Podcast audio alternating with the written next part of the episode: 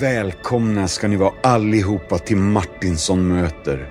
Podcasten som vill vara en röst till tröst och hopp från fadderbarnsorganisationen Compassion. Idag hälsar vi journalisten Jonas Dagson varmt välkommen till Martinsson möter. Han är inte bara en pensionerad journalist, utan han är även en passionerad teolog. Han har under en lång rad år rapporterat om allt från katastrofer, brott och olyckor till idrottsprestationer, politik och trender. Han har intervjuat ögonvittnen, brottsoffer, forskare, idrottshjältar och kungligheter. Och vid sidan av sitt ordinarie journalistjobb så har Jonas sedan tidigt 90-tal använt journalistiska metoder, visuell pedagogik för att guida oss läsare in i Bibelns värld. Och för att förklara det så har han behövt plöja sig igenom åtskilliga volymer teologisk litteratur och ställa oräkneliga frågor till mängder av internationella arkeologer och bibelforskare. Så, efter att ha gett ut de storsäljande böckerna steg för steg genom Gamla Testamentet och likadant i Nya Testamentet, så är det nu dags för hans kanske viktigaste bidrag till svenskarnas bibelläsning. Tegelstenen som är på över 1,6 kilo och har titeln Steg för steg, Studiebibeln, den visuella vägen in i Bibelns värld. Studiebibeln har förutom själva bibeltexten hela 640 färgsidor med nyhetsgrafik. Och med Jonas egna ord är boken en simskola för bibelläsare. Och vi ställer givetvis Jonas frågan hur Bibeln ser på kristen generositet och fattigdomsbekämpning.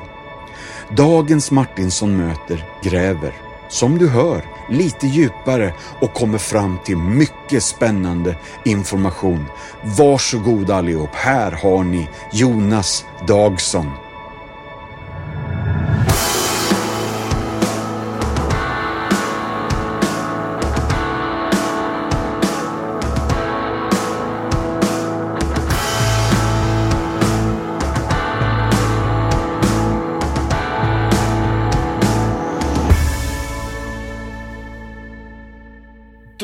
Har ni alla redan blivit hälsade välkomna till Martinsson möter, så därför är det min stora glädje att få säga Jonas Dagson, välkommen hit! Tack så mycket. Vad jättekul och spännande att du är här. Jag tänker börja med fem lite snabbare frågor och sen kör vi på lite om ditt liv och sen lite om compassion. Jonas, om du skulle vinna en olympisk guldmedalj i någon sport, en hittepåsport eller en riktig sport, vilken skulle det vara? Det tror jag aldrig kommer att hända, men eh, det som jag har ägnat mig åt som sport är att jag spelar basket en gång på världen. Ja. Att Sverige skulle slå ta olympiska medaljer vore väl inte så trovärdigt, men eh, det får väl bli det då. Och jag har aldrig känt mig så udda som att nu ställer jag den här frågan faktiskt till en sportjournalist. Det får man väl ändå säga att du är? Ja, I alla fall delvis, ja. Ja, men visst. Kul! Du, finns det någon del i en barnfilm som har skrämt dig? Eller en karaktär i någon barnfilm som har skrämt dig? Det gör det säkert, men det är inget som jag kan dra mig till minnes så mycket. Alltså jag, jag ehm, ja. Jag, jag vet att barnfilm, jag vet att när jag var yngre så var jag och såg på matinéfilmer. Jag är ju så gammal. Ja. Och då såg jag ju på Zorro och Zorros märke och hette ju de här filmerna. Och där fanns ju vissa, alltså det var ju sån här nästan en slags vilda västern historier. Ja, verkligen. Eh, Och där fanns det väl några karaktärer, men jag kan inte liksom pricka det. Men det, det är ju... Min, min morfar hade en väldigt liberal syn på att gå på bio och så när jag växte upp jämförelsevis med många andra. Så att jag fick ju göra det och jag tyckte att där, där kanske jag var rädd någon gång. Ja. Sen kan man säga om man inte tar barnfilmer så finns det ett enda tillfälle i livet som jag har varit på väg att resa med och gå ut ur en biosalong därför att jag tyckte att det varit så hemskt. Va? Och det är ju den här australiska filmerna, vad hette de nu då? Alltså, nu tappar jag ju det här. Ja, det en framtidsapokalyps där de kör med bilar och dödar varandra. Det, Jaha, äh, ja jag fattar vilka du äh, menar. Tina Turner var med i någon av ja, de senare. Mel Gibson. Mel Gibson och så. Och det, den första av den här var jag såg på och jag tyckte att det var så obehagligt att jag nog var väldigt nära att resa mig och gå ut. Eh, kommer jag ihåg. Sen satt jag kvar och sen lugnade det sig ju vartefter. Sådär. Men ja. det, det, det är sånt där, ja. Ja, men, du, men ingen ja. barnfilm kan man ju kalla Nej. det för. Nästa fråga, mm. Nu, mm. Nu, nu traskar vi verkligen mm. det andra ändan. Har du varit med om någonting av det som vi inom kyrkan ibland betecknar som ett under eller ett tecken eller ett mirakel? Och är det någonting du vill dela med oss? Inte som skulle vara så där oerhört dramatiskt. Eh, och jag, men, men eh, det finns ju liksom omständigheter som man möter som, som är, eh, man förundras över ja. eh, vid tillfällen. Eh, det här har inte någon större relevans i övrigt men jag var i England för några år sedan och hittade en bok på, på alltså The Institute of Contemporary Christianity, där med, som John Stott har. Mm. Och jag tyckte här, den här boken, den här, när jag läste den, det här är, är perfekt. Liksom. Den här måste komma ut på svenska. Eh, jag gick till din bok här i, i Göteborg ja. och bad dem att beställa in ett antal exemplar. Och den dagen som jag kommer dit, för de har kommit böckerna då, så sa jag liksom, här är de, de har kommit nu. Den heter Messy Christianity, heter boken. Ja. Och då står det två stycken personer bakom mig och så säger de, va? Pratar du om den här boken? Ja, säger jag, det är den bästa jag läst. Ja, det är den bästa vi har läst också. Vi är från Halmstad. Vi är bara uppe i Göteborg idag. Vi var inne här i 15 minuter. Jag har översatt boken, det finns en svensk översättning. Nej. Här är min adress, sa jag. Så mejlar de översättningen till mig. Jag kan mejla den till förlaget som jag pratar med. Eh, boken har kommit ut på svenska. Eh, inte helt perfekt hette den, men de kunde inte använda översättningen. Men den där stunden när man liksom ser ett sånt här möte så tänker man när man går ut, nu har Guds finger rört på något sätt. Va? Och, ja. och, det där, och man, man blir väldigt upprymd. Och sen så får man ju se vad det leder till. Men jag skulle tänka mig att det var en liten pusselbit i att förlaget beslutade sig för att gå vidare. så. Ah. Oh, eh, liksom det här eh, mötet på något sätt. Ah, Men en, en annan sån här sak som jag väldigt mycket funderar över, det var ju att jag delade lägenhet med, med tre killar här i Göteborg under några år. En av dem eh, hade en amerikansk pappa och han kom så småningom flytta till USA. Vi förlorade kontakten. Han bodde i Boston och sådär.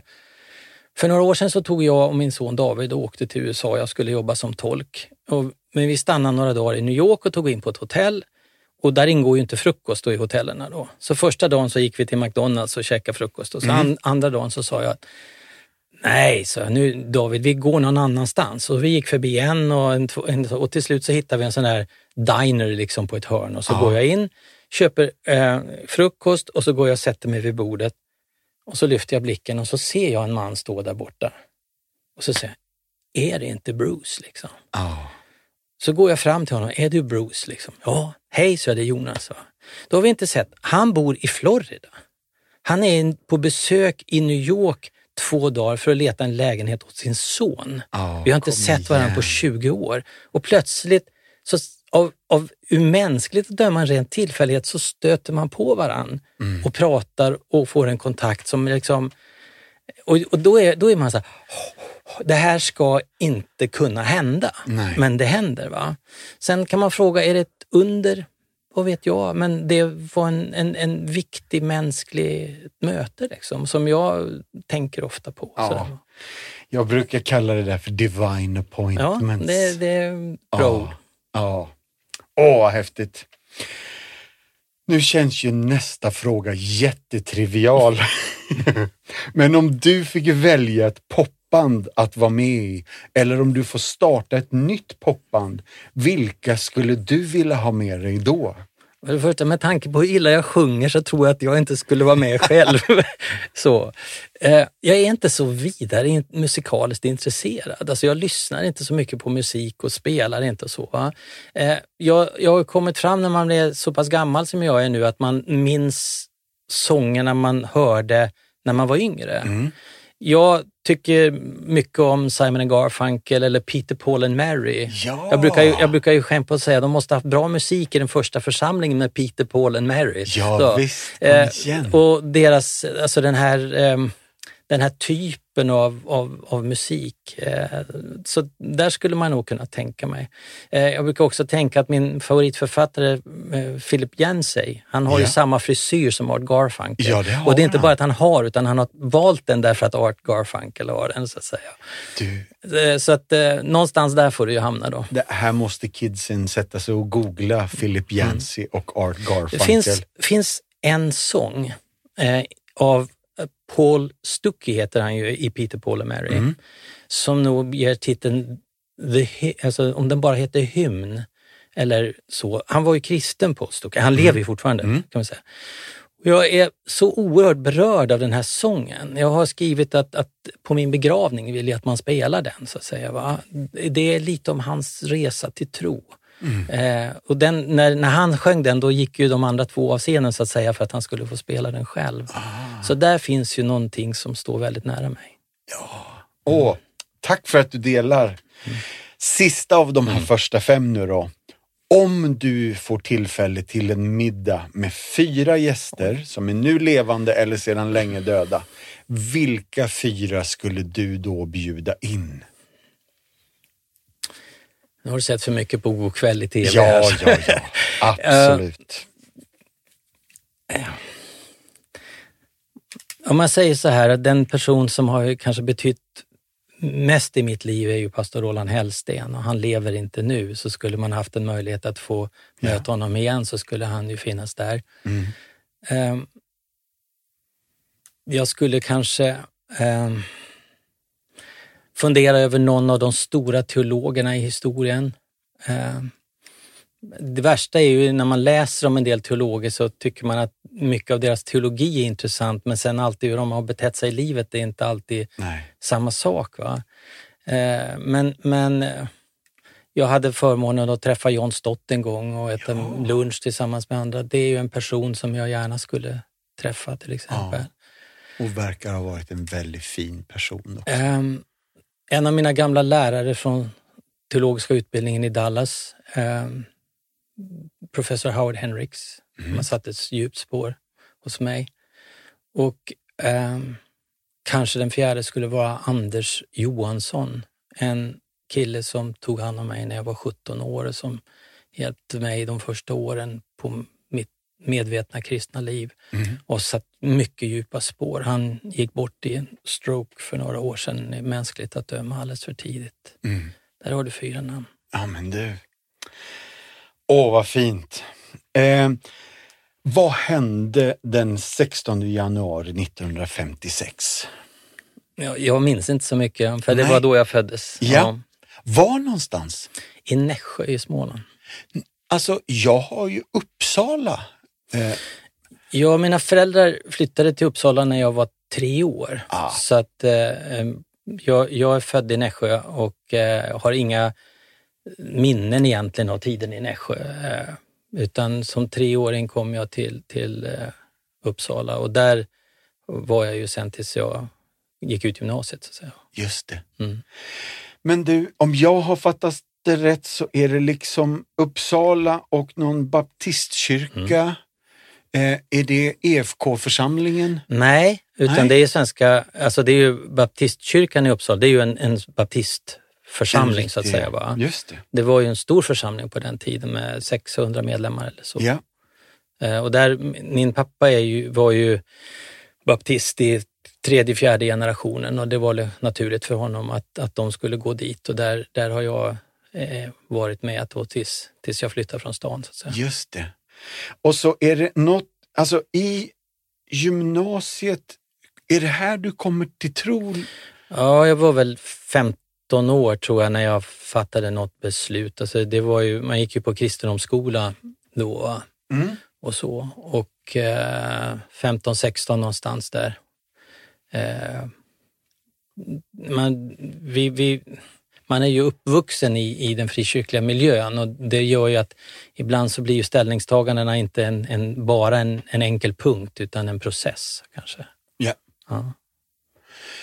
Och här har vi den här Anders Johansson. Ja, alltså jag, jag gick ju på gymnasiet då och han kom till kyrkan. Han, var, han läste på Lantbruksuniversitetet i Uppsala. Han var fem år äldre än mig. Och han var ju med i Navigatörerna då.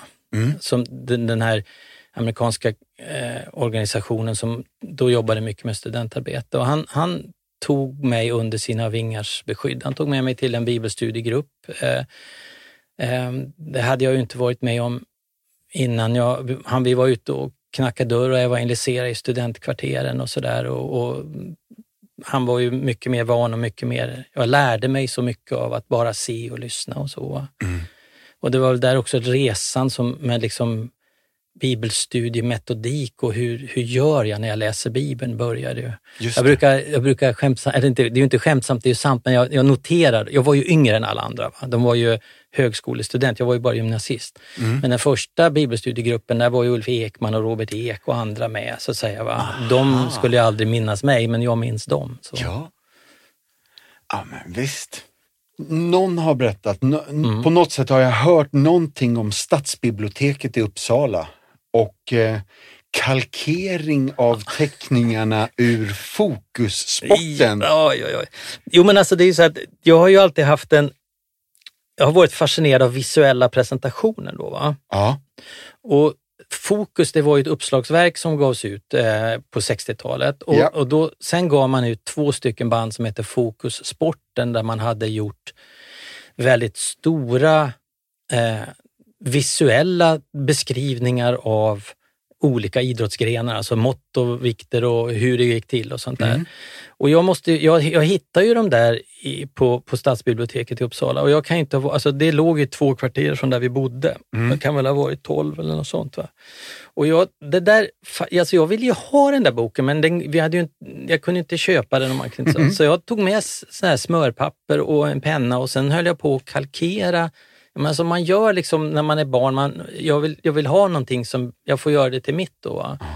Och det här är ju liksom en ganska tidig signal över att, att mitt, någonstans så har det visuella tänkandet funnits, det visuella berättandet varit väldigt nära mitt sätt att vara. Och jag, jag har ju nu på min ålders höst så har jag ju, en, har jag ju skaffat mig en, en, en Fokussporten som står i en Ja. skåp sådär. ja vad gött. Men därav så kom ju liksom en, en, en tråd att, att följa mig genom livet och den journalistiska banan som jag sen valde. Då. Just det. Och nu är vi någonstans i den eran va? för att eh, du flyttar till Göteborg och börjar plugga på Journalisthögskolan. Ja, eh, jag gör lumpen och sen efter det så hamnar jag i Göteborg. Eh, och eh, det tar några år innan, alltså, innan jag kommer in på Journalisthögskolan. På den tiden var ju antagningarna lite annorlunda än bara på betygspoäng utan det var på olika tester och sånt där. Så jag testar år för år för år och till slut så, så tar de in mig, de ger upp. eh, så jag börjar på Journalisthögskolan i, i, eh, eh, på hösten 79. Ja. Men jag kom ju till Göteborg hösten 76 och det är då jag kommer till Saronförsamlingen och träffar Roland Hellsten, då, pastorn, som ju kommer att bli min, min vän och min mentor genom, genom livet. ja. Eh, men sen Journalisthögskolan, det, det var handen i handsken. Det passade mig väl. Ja. Liksom.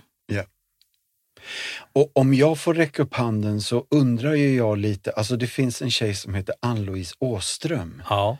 Eh, när träffar du henne då? Ja, Hon är ju med i Saron, Ah, eh, så vi, vi träffas i kyrkan där.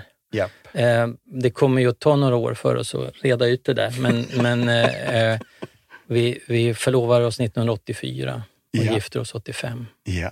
Mm. Och ni har några vuxna barn nu? Två. Just det. Mm. Mm.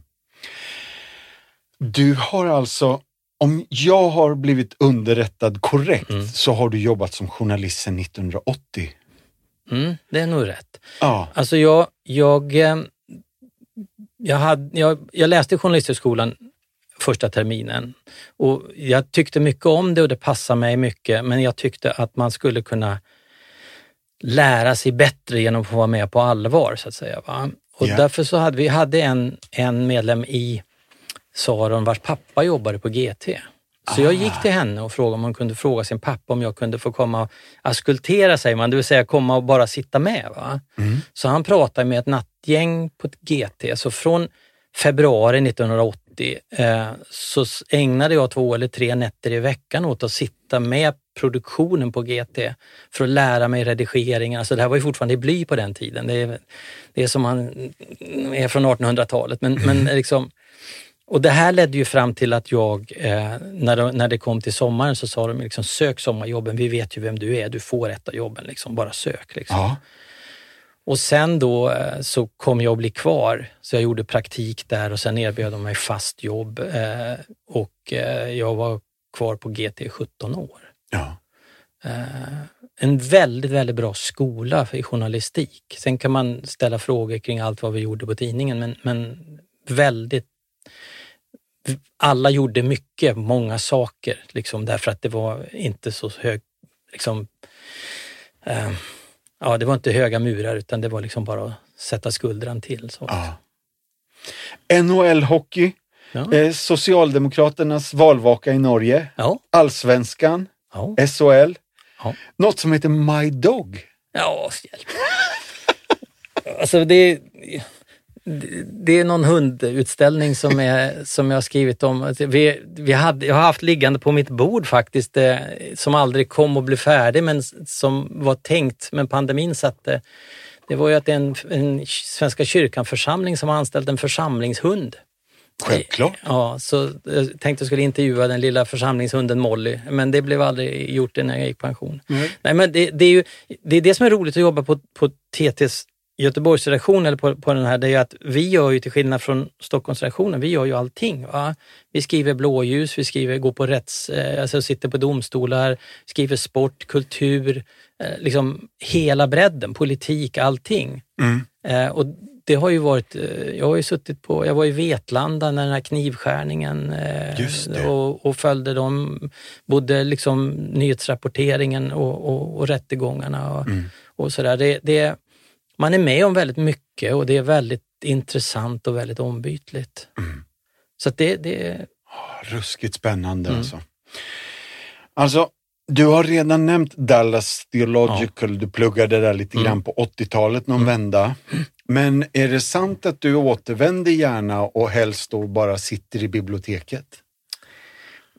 Både ja och nej. Alltså jag, jag var, Roland Hellsten ju, hade ju sin utbildning från Dallas yeah. och jag åkte dit tio år senare. Jag var mm. där i ett år nästan på dagen mm. och läste in tre och en halv terminers jobb i en Masters of Arts and Biblical Studies. Jag har tio veckor kvar till en examen som yeah. aldrig blev något.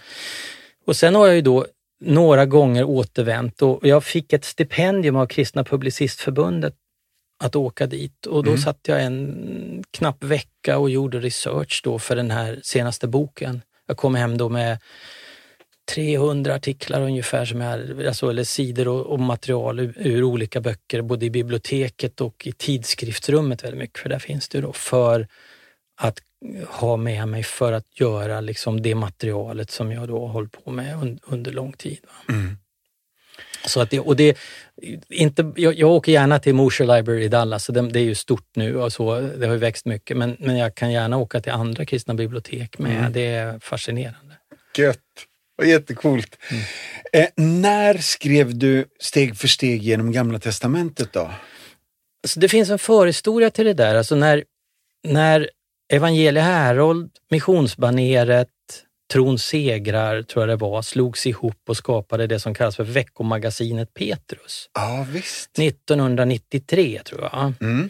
Då höjde de in en designer från Svenska Dagbladet som skulle designa den här nya tidningen då. Mm. Och Svenska Dagbladet var långt framme när det gäller nyhetsgrafik, så de föreslog att man varje vecka skulle ha en bibelgrafik på baksidan. På liksom. bak, ja. Och då tog ju då chefredaktören, han åkte ner till Göteborg, satte sig i soffan hemma hos mig och sa att vi vill anställa dig och, och du ska göra det här åt oss. Liksom. Och jag sa att jag är inte så intresserad att bli anställd av er. Alltså jag tyckte att en kristen i sekulära medier, det är viktigt. Jag jag har hittat min plats där mer yeah. än att jobba för kristna tidningar. Men vi gjorde upp att jag skulle göra material för dem. Jag gjorde det gratis. De fick det här. Någon, jag tror att vi sa i princip en i månaden eller något sånt där. Mm. Och så började jag, det första året var det ju skit, ursäkta uttrycket, men det, var, det, är ju ingenting man vill titta på idag. Men jag hittade liksom till slut en form som jag fick det att fungera. Yeah. Och, och sen har ju då Petrus, de började publicera de här då det blev ju en 10-12 om året ungefär. Va? Mm. Och sen upptäckte de att det blev liksom som samlarkort. Liksom. Alltså, folk ringde in och sa det, har ni, har ni, jag vill ha det här numret. Ja, ska Ja. vi skicka det? Nej, riv av baksidan och skicka in den. Det är den jag vill ha, det andra kan ni slänga. Sådär, Ja. Och då när man hade kommit en bra bit, alltså uppemot år 2000, då fanns det ju 80-90 sidor eller någonting gjorda. Va? Då ringde jag till ett förlag och frågade, skulle ni kunna tänka er att vi gjorde en bok av det här? Och när de fick höra lite vad efterfrågan var så tyckte de att det var spännande. Och då gjorde jag, tror jag, 20-25 sidor som aldrig var publicerade i tidningen och så gjorde vi en bok som kom ut 2003. Ja. Och den första upplagan den sålde slut på 3-4 månader bara, Ja. så här swoosh liksom. Ja. Så. Eh, och då tryckte de en upplaga till och sen, sen tyckte de att det var bra. Liksom. Just det. Så att det var, 2003 är ju det, den första liksom, publikationen av det. Ja. Och sen kom steg för steg genom Nya Testamentet 2000... Fem, förlåt, 18 kommer den ut. Så Ah, sent. Det var så ja. Ja, så det, dels så blir det ju ett vakuum där. Jag gör, när, när, när Dagen byter chefredaktör då, så, så Elisabeth Sandlund tar över, då vill inte hon fortsätta att publicera det där i tidningen. Hon tycker inte att det var intressant. Och då, då kommer jag ju av mig i liksom produktionen och så. Va? Men sen blev jag tillfrågad ifrån, från eh, Svenska folkbibeln som höll på att revidera folkbibelns text om jag kunde tänka mig att vara referent då som journalist på det svenska språket. Och, och då fick de upp, förlaget fick upp ögonen för den där boken och frågade om de fick ge ut en ny upplaga. Mm. Och det gjorde de 2015. Just det. Och då kom en tredje upplaga. Då la jag till ytterligare 15-20 sidor någonstans. Mm. Och sen har ju de gett ut ytterligare ett par upplagor och i samband med att de gav ut det där 2015, då, då sa jag till mig själv att ska det någonsin bli en bok om Nya Testamentet, då måste jag göra det nu. Liksom. Mm. Så jag började ju sommaren 2015 och sa att det här kommer att ta två år, men det tog ungefär två och ett halvt.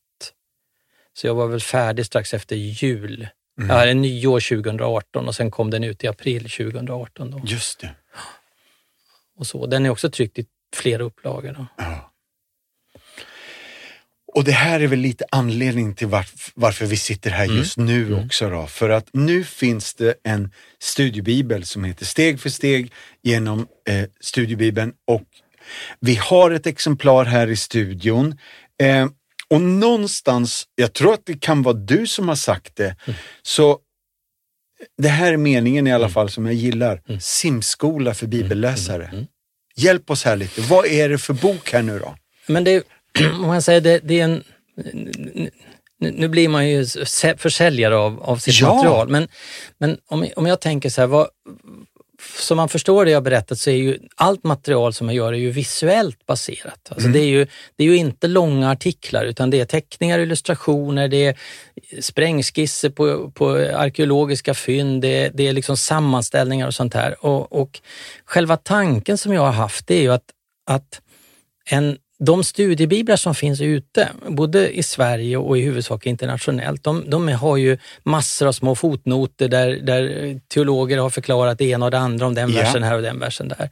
Och det kan vara intressant, men dilemmat är ju att, att många tycker att själva bibelläsningen är jobbig och svår därför att jag vet inte riktigt hur jag ska ta mig för det. Va? Och då har jag försökt säga så här att när du ska ta, åka bil, köra bil, då måste du gå på körskola för att få ett körkort så att du kan köra bil. Va? När du ska lära dig ta simborgarmärket så slänger man ju inte bara i någon i bassängen utan man går på simskola, så gör man torrsim och sen lär man sig i vattnet och sen kan jag göra det. Och jag tycker att mitt ambition har varit att försöka göra som en simskola för bibelläsare, att det finns i den här mycket som jag kallar det för metodmaterial. Så här kan du läsa liksom, historiska böcker, så här kan man förstå typologi, så här kan man förstå hur Gamla testamentet citeras i Nya testamentet, så här kan man läsa apokalyptik. Alltså det här att, att du ska få hjälp att bli en vardaglig bibelläsare som kan vara trygg i din bibelläsning istället för att säga hur ska jag ta mig an det här? Va? Bra. Det, det är så som min ambition är. Ja. Och det här, jag kommer ju till Bibeln som journalist, Mm. inte som teolog. Det här är bra. Det, det, det är liksom skillnaden lite grann. Då. Mm. Så, så studiebibeln är på 1760 sidor. Ja. Komplett text av Svenska folkbibeln. Men av de där 1760 så är 60, 640 sidor, eller en tredjedel av materialet, Mm. det är sån här kompletteringsmaterial. Just det. Just det. Och det här, alltså genom alla åren så har ju vi vant oss vid dina gubbar. Och jag måste bara få fråga, är det, är det specifik, finns det specifika förebilder? För jag har hört antydningar till eh, KG Hammar, kompisar som har bett om att få vara med och till och med sportredaktionen. Nu sitter vi med källan här. Ja, men det är så här, när, man, när jag började med materialet så var ju inte nätet så utvecklat som det är idag. Så, det, så jag gick omkring och samlade liksom i tidningar och sånt där för, förlager och så. Och det är riktigt att det finns en del personer som är reella personer som är avbildade som olika historiska personer. Och det, det handlar ju om en del ur dagen, det handlar en del om att KG Hammar finns med där, eh, Runar Sörgård finns med på något Ja. ställe och, och, och en del, eh, jag, undrar om inte Hillary Clinton är med på något ställe och så. Men sen är det också så att det finns vänner till mig som har kommit och sagt, kan inte du rita in mig, kan inte jag få vara med? Och det har jag Ja. gjort på några stycken då. Va? Jag själv finns med på något ställe också. Ja. Sån där eh, Hitchcock... eh, Det måste man så, ju. Ja, eh, och sådär. Och, men då kan man säga att i de senare produktionerna nu så är det inte, nu behöver jag inte jobba så. Nu kan man hitta mycket mer material i bildbanker och sådär på ett annat sätt som är mer neutrala. Så det här är det, är det äldre materialet som är så. Va? Ah, coolt. Ja. Men du, Ja. eh, det finns ju de som har hävdat att eh, Matteus, Markus, Lukas och Johannes är bara, vad säger de, 40 dagar i Jesu liv. Det finns någon story där. Eh, Ja, alltså det, 52 är den siffran. Okej. Ja, så, Okej. alltså det, det här var, jag, när, man är, när man är elev på Dallas så får man tillgång till hela deras onlineundervisning. ja. Som, det, just så jag kan lyssna på hur mycket jag vill. Så. Mm. Och ibland så har jag suttit och lyssnat och då var det en, en serie genom, genom eh, evangelierna av presidenten Mark Bailey. Bara det är en historia i sig. Men, men, eh, och där berättar han det här liksom att jag menar, Jesu offentliga tjänst, den tror vi är tre och ett halvt år. Det är ungefär 1230 dagar eller sådär. Mm. Och så ställer man frågan, hur många av de här enskilda dagarna finns beskrivna Ja. i evangelierna?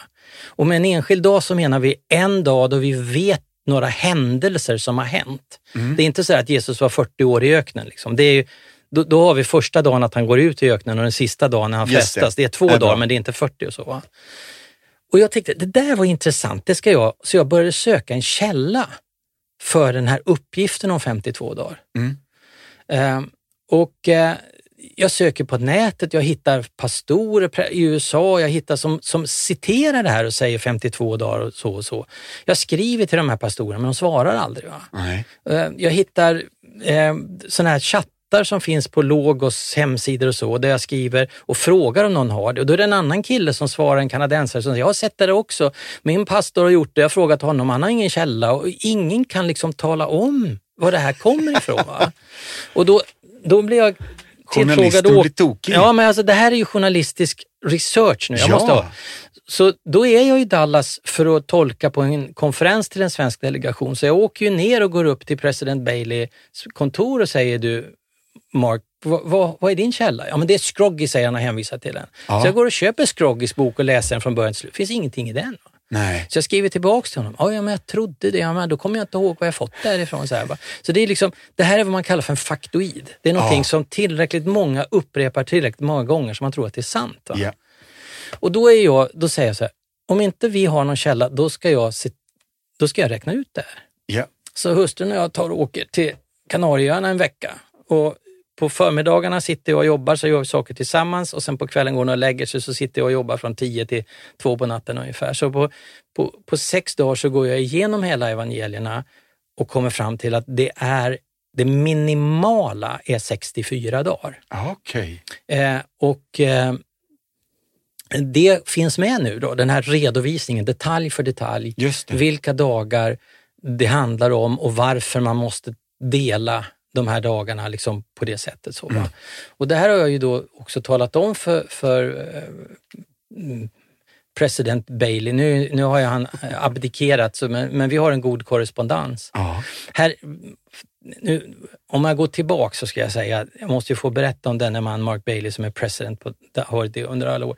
Det är en historia som talar om hur man formas av en sån här skola. När jag var där 1983-84 då, så läste jag på sommarskolan 84 och han var där för att skriva på sitt första kontrakt som lärare. Mm. Och då när han var där så tog min lärare John Martin och bjöd in honom och sa att det här är gästföreläsaren ni har idag, Mark Bailey. Eh, han hade tre timmar med oss och efter, han berättade då att han var instruktör i Walk through the Bible då, som jag kom, var intresserad av att jobba med. Så. så jag gick fram till honom och sa, får jag bjuda dig på lunch? Jag vill prata om det här, jag vill höra. Så, så vi gick ut och käkade hamburgare och så sa jag tack efter en och en halv timme och så var det bra. Det här var 1983. Va? 22 år senare, det här är det enda mötet jag har med honom. Mm. 22 år senare åker jag och min dotter runt i Kalifornien. Och hon har en kompis uppe i Sacramento jag släpper av henne där och så har jag sex dagar helt ensam utan något att göra. Va? Mm. Eh, Så från ett hotellrum i San Jose så tar jag bilen så åker jag över till en kristen lägergård som heter Mount Hermon som ligger ner mot kusten där de har då Dallas Week. Det är lärare från Dallas som är där och undervisar just den veckan. Ja. Första och jag, jag betalar avgiften för att vara med den här dagen jag kommer. Första talaren är Mark Bailey. Han håller ett lysande studium med Brorsåsboken. Och sen i dagsavgiften ingår ingen fika. Så när allt är färdigt så går alla ut för att fika. Men det är ingen idé för mig att gå ut för jag, får inte, jag har inte betalt för det. Mm. Så i hela salen så är han där framme och jag här bak. Mm. Tänkte jag, jag reser mig upp och går gången ner och när jag har kommit till fem bänkar kvar så tittar han upp. Så tittar och säger, hej, hur är läget i Sverige? Ah. 22 år senare. Ja. Mm. Det talar någonting om hjärtat för sina elever. Mm. Den, det, han, jag vet inte, den stunden så smälter jag inombords. Ah. Och vi har ju träffats ett antal gånger efteråt och pratat och han har alltid tid med mig. Men det känns ju som att här är en, en, en kille som han, han är, har varit president på en av de största evangelikala seminarierna i hela USA. Ja. Men han bryr sig om en liten kille från Sverige som frågar honom om bjöd på en hamburgare en gång. Ja. Så det, sånt, sånt sätter spår. Åh, vad fint. Mm. Ja, tack för att du delar. Du, eh, alltså den här, det här simborgarmärket Mm. som du har gjort nu då, 1,6 kilo, 640 extra sidor. Mm. Ehm, vad är det som händer i höst nu då? Nu, du ska ut och presentera det här lite. Ja, vi har ju en release här i september och sen så har jag ju fått en del förfrågningar att jag ska ut och tala i, på olika sammanhang och sådär. Jag har ju varit ganska restriktiv, både för att eh, när man jobbar som journalist på TT eh, Nyhetsbyrån så är inte den offentliga rollen alltid så önskvärd. Det handlar om integritet och sådär. Ja. Eh, Men sen har jag också av av andra skäl varit restriktiv. Men, men nu tycker jag då att det finns ett skäl att jag, jag är ju mer intresserad av att folk får del av, av, Bibeln än när de får del av mig. Så att säga, va? Just det. Eh, och, och så det, det är vad jag ska göra så, så länge de frågar efter mig och, och tycker att det skulle vara värt det. Liksom. Men jag tycker en av de saker man vill gå tillbaks till på något sätt och säga det är ju att, att i, för mig så finns det en, en oro som jag försöker adressera i den här, med den här boken. Då, va? Eh, Och det är ju att vi har i kyrkan ofta en hög bekännelse till, till skriften. Vi säger att det här är Guds inspirerade ord. Mm. Det är tillförlitligt, ofelbart, auktoritativt och så. Va? Eh, vilket är väldigt bra. Liksom? Mm. Men sen i sättet att använda texten så är det ju ibland så att vi förnekar auktoriteten. Mm. Vi närmar oss texten subjektivt. Va? Det vill säga, den här tyckte jag var en bra vers, det här säger Gud till mig. Vi ställer oss inte frågan vad är det som texten säger i sig själv, Mm. utan vad tänker jag på när jag läser texten? Det. Och det här är, jag, är det någonting jag försöker adressera i det materialet som finns här. Att, att vi skulle behöva fundera. Jag, jag, jag oroar mig ibland över att vi gör allting så subjektivt. Ja. Eh, och, och det, jag, jag brukar säga, det finns tre stora faror för den som läser Bibeln. Det ena är att man tror att Bibeln är full av enskilda verser, att det är massa lösa lappar. Jag kan ta en vers här och en vers där. Va? Mm. Eh, en av mina vänner brukar säga att han hade någon kompis som, som han trodde var på väg att bränna ut sig och han skulle skicka en bibelvers. Liksom. Och då hittade han en vers i Ordspråksboken där det står Sov ännu lite, slumra ännu lite, lägg ännu lite händerna i kors för att vila. Mm. Ja, som en uppmuntran då. Mm. Men han insåg att han ska nog inte skicka den för fortsättningen är så ska fattigdomen komma över dig som en tjuv och armodet som en väpnad man. Ja, ja, och det, det, är liksom inte det man... Och, och det, det är ibland så där vi gör, att vi liksom får för oss att, att vi kan ta en vers så. Det andra som är faran det är att man inte ser olika genrer, olika typer av texter. Jag kan inte läsa Ordsåsboken som jag läser Paulus. Nej. Men om man citerar bara ord och formuleringar, då tror vi ju plötsligt att varje formulering är så, liksom lever sitt eget liv. Och sen den tredje delen, det är just det här att man får för sig att Bibeln är skriven till mig. Liksom vad än jag läser så är det här ett Guds löfte. Jag vet väl vilka tankar jag har för er, säger Herren. Fridens tankar, inte ofärdens, för att ge ett framtid och ett mm. hopp. Åh, vad härligt! Ja. ja, men det är ju ett löfte av Gud till de som är fångar i Babylon mm. i Gamla Testamentet. Det är ju inte ett löfte till mig. Mm. Men vi bryr oss inte om sammanhang och så. Warren Wiersbe, en amerikansk teolog, skriver på ett ställe, det är säkert många andra som har sagt det också, men han säger vi ska lära oss att Bibeln är skriven, hela Bibeln är skriven för mig. Den är inte skriven till mig. Yeah. Och det tror jag är en väldigt, väldigt viktig tanke när vi, när vi närmar oss Bibeln. Va? Mm. Bibelns betydelse är vad den ursprungliga författaren ville säga till de ursprungliga läsarna. Ja, Först när jag förstår det så kan jag börja fundera över vad betyder det för mig? Ja. Och när vi hoppar över det ledet, då kan Bibeln säga vad som helst. Mm. Jag brukar tänka så att liksom, man, Bibeln är inte bara de där härliga verserna utan det är också Josua 1 och 5. Kan du den? Josua 1 och 5, ja men det är väl ganska nära Ja, det står så här, ja. men Adoni Besek flydde men det förföljde honom och hunna upp honom och högg av honom hans tummar och stortår. Det är också Guds ord. Va? Ja, ja. det är bra. Ja. ja, men du, det här är ju jättespännande och nu är det snart dags att ute till kund. Mm. Um, alltså, jag vet att den här finns mm. på fakulteten, men mm. skulle du säga att den är akademisk? Det är ju inte jag som ska ta ställning till det. Men om man, man, man säger så här, steg för steg i de gamla testamentet. Mm. Den har ju stått under flera år på läslistan, alltså obligatoriska läslistan i kursen på Gamla testamentet på en av de teologiska fakulteterna här i Norden. Då, Just det. Eh, och samtidigt så ser jag att liksom läsningen börjar ju i, någonstans vid 12-13 år. Mm. Och, och, den bredden finns det ju då. Det är bra. Eh, det man kan säga det är ju just att jag är journalist och inte teolog. Det innebär att jag skulle tänka mig att en del på akademiska fakulteter retar sig över att det inte finns källhänvisningar på alla ting mm. och att det liksom inte passar den eh, akademiska normen. Men om man läser i efterordet så finns det en lista på över 40 personer som jag har haft utbyte med mm. för att försäkra mig om så mycket jag kan. Och många av de här är ju är ju eh, renommerade akademiker eh, både i Sverige och internationellt. Mm. Jag var uppe i Fjällbacka här för några veckor sedan och träffade eh, professor emeritus Sven Söderlund som har varit professor i Regents College i Vancouver. Yeah. Som har då hjälpt mig i Jeremia. Han är en väldigt intressant person i den bemärkelsen att han kommer från Estland, han pratar svenska och växte upp i Sverige men sen ja. emigrerat då till Kanada med sin familj. Och sådär. Vi hade en väldigt trevlig, och av de här få exemplaren vi har fått så tog jag tillfället i akt och lämnade över en som tack till honom. och Så, ah.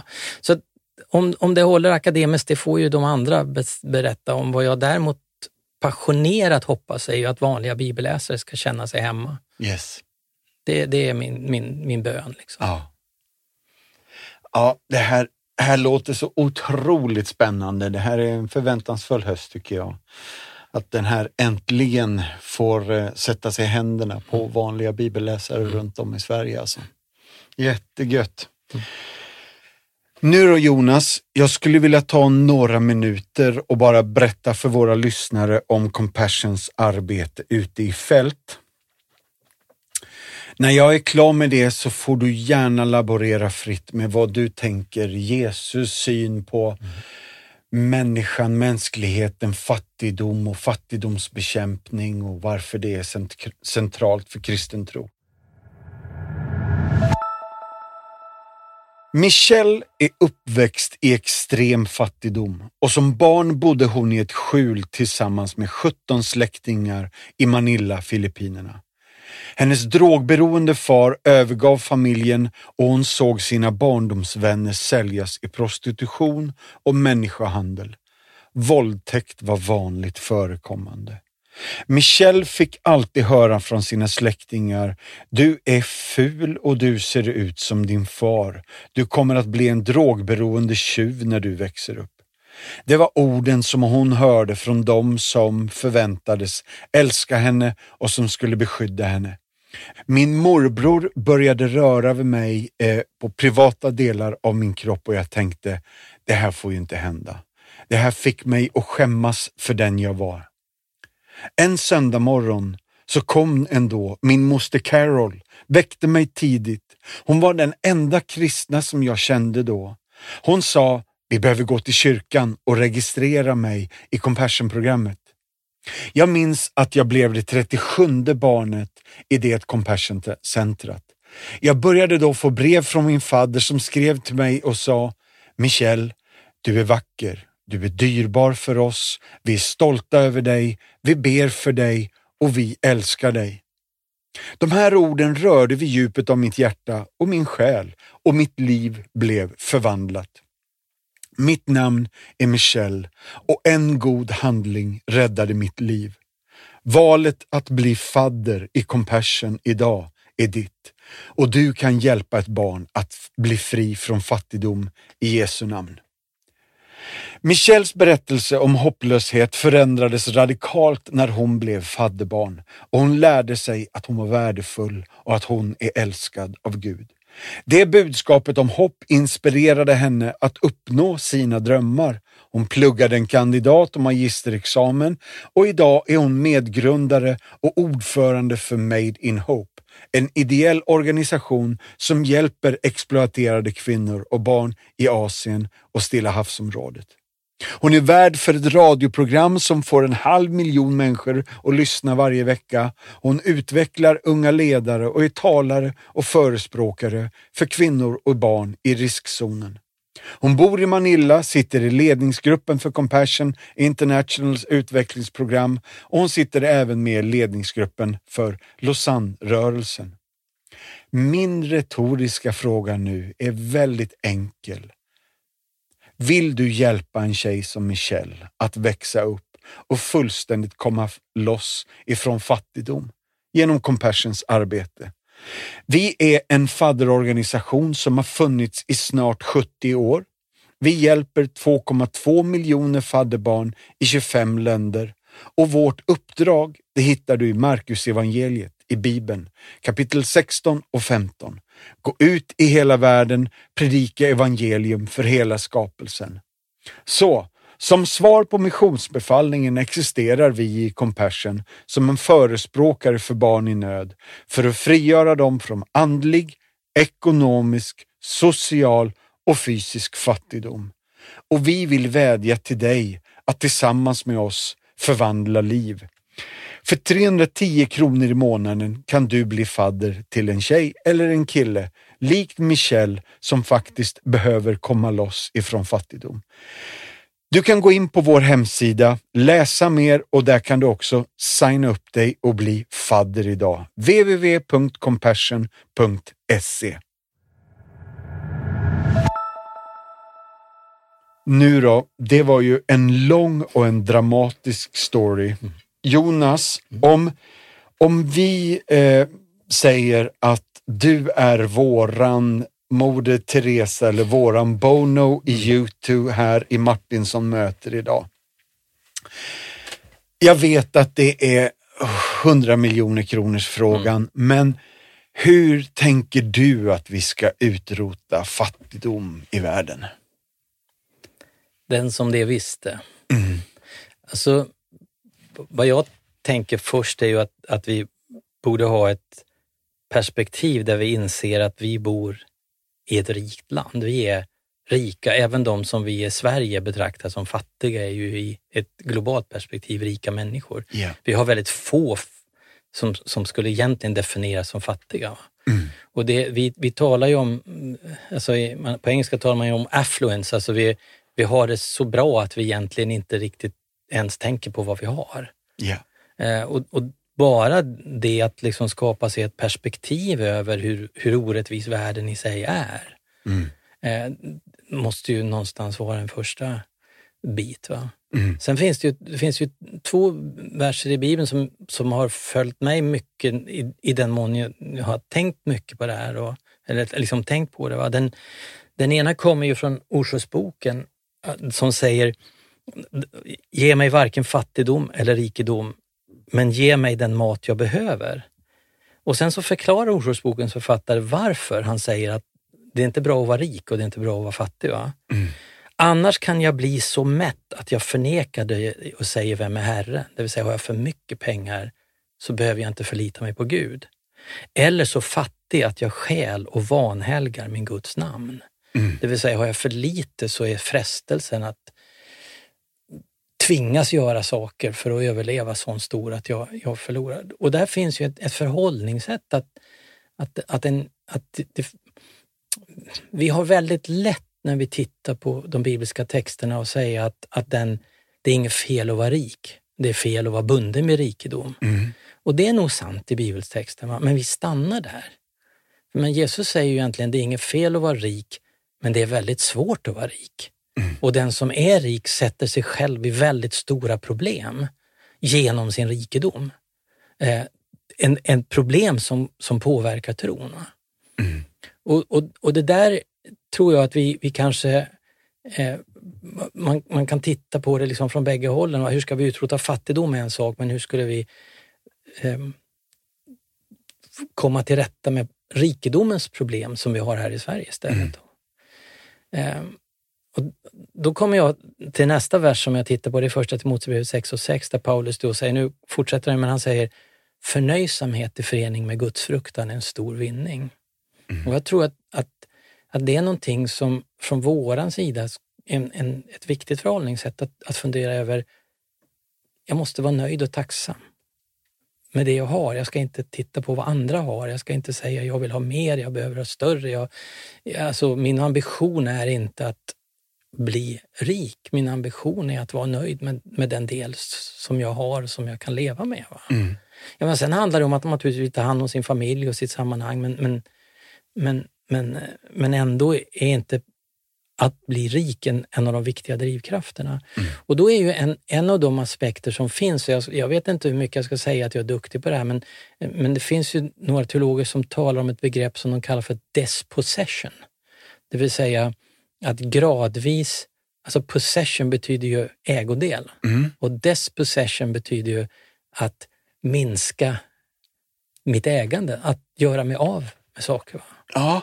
Det vill säga att, att inte hela tiden samla på mig mer utan någonstans säga att jag behöver kanske inte mer än jag har och därigenom frigöra också pengar som jag kan ge till kristen verksamhet, till, till, till, till människor som behöver. Mm. Eh, Howard Hendricks som jag nämnde med de här, han var under en period kaplan för Dallas Cowboys, det amerikanska fotbollslaget. Ja. Och han förkunnar ju och predikar ju för dem. Och en dag så kom en av de här spelarna till hans kontor. Han hade kommit till tro, han fört honom till tro. Och han säger, nu har jag läst den här första delen av den här boken, sa han. Ja. då. Och där säger Jesus till den rike mannen, gå och sälj allt du äger och ge till de fattiga. Gäller det? sa han till, till Howard Hendricks. Mm. Och då ska man tänka, de här kontrakten som de här killarna har, det är ju Ja. multimolla dollar. Mm. Och Howard Hendricks han sa vare sig ja eller nej, han sa, vad tror du? Gå, gå och fundera på det här och kom tillbaka om en vecka. Mm. Och den här killen kom tillbaka på en vecka och sa, jag har sålt en fastighet som jag ägde för 20 miljoner och gett bort pengarna. Mm. Det här är ju liksom ett dramatisk berättelse, men det är ju en... Han hade ju så mycket pengar så han visste inte vad han skulle göra av dem. Liksom. Mm. Och det, sen, sen, sen, men sen om man då tittar på det på en global sätt och säga hur ska vi göra med fattigdomen? Vi är ju del av ett system och det, är, det är ju inte bara hur jag gör som spelar roll, utan hur många gör och hur alla gör. Mm. Och, och ehm, vad, vad spelar det jag gör för roll i Manillas slum eller i Afrikas fattiga kvarter någonstans? Va? Det, det, det är inte så lätt att se det sammanhanget. Mm. Men det finns någonting som, tänk, som jag, jag, jag grunnar på eh, när Jesus ser den fattiga änkan vid offerkistorna. Alla andra, säger han, gav av sitt överflöd i offerkistan, men hon gav i sin fattigdom allt hon hade att leva på.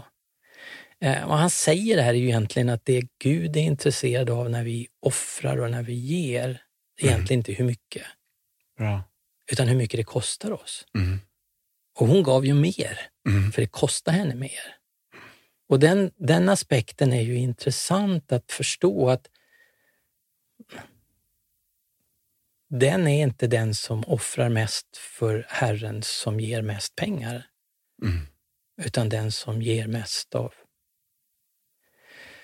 av sina, av, alltså som Totalen det högsta priset Ja, på något ja, sätt. Va? Och, det, och sen tror jag inte man kan dra det till någon slags jämförelsefråga, eller så här, men man, man behöver fundera över lite granna om vi omdefinierar också frågan om offrande. Mm. I församlingar är ofta de rika affärsmännen sådana som gärna får sitta i styrelsen och vara med Mm. och så. Va? Det, det är bra liksom. Eh, Alltså det här är en, en, en jag, jag tycker att det är en, en fråga där vi, vi nog får brottas. Och brottas mycket. Du, tack snälla Jonas för att du kom hit till Martinsson möter. Och tack för att du har slitit och kämpat så med den här stora, viktiga tegelstenen. Steg för steg, studiebibeln, svenska folkbibeln, den, visue- den visuella vägen in i Bibelns värld. Vi önskar dig riktigt mycket lycka till med bokutgivningen här i dagarna, men vi är också så tacksamma för att du har tagit dig tid att skriva allt det här. Och tack för att du kom hit idag. Tack att jag fick komma. Mm. Uppskattar det mycket. Gött! Slut för idag och tack för idag allihopa. Vill du veta mer om det som har pratats om i podden så har vi något på vår hemsida som heter Show Notes. Där kan du se alla länkar till sånt vi pratar om när vi refererar till en film eller en bok eller en sång. Då finns de länkarna där, så gå in på compassion.se så hittar du helt enkelt massa extra material. Tack, ha det bra, bye bye, hej då!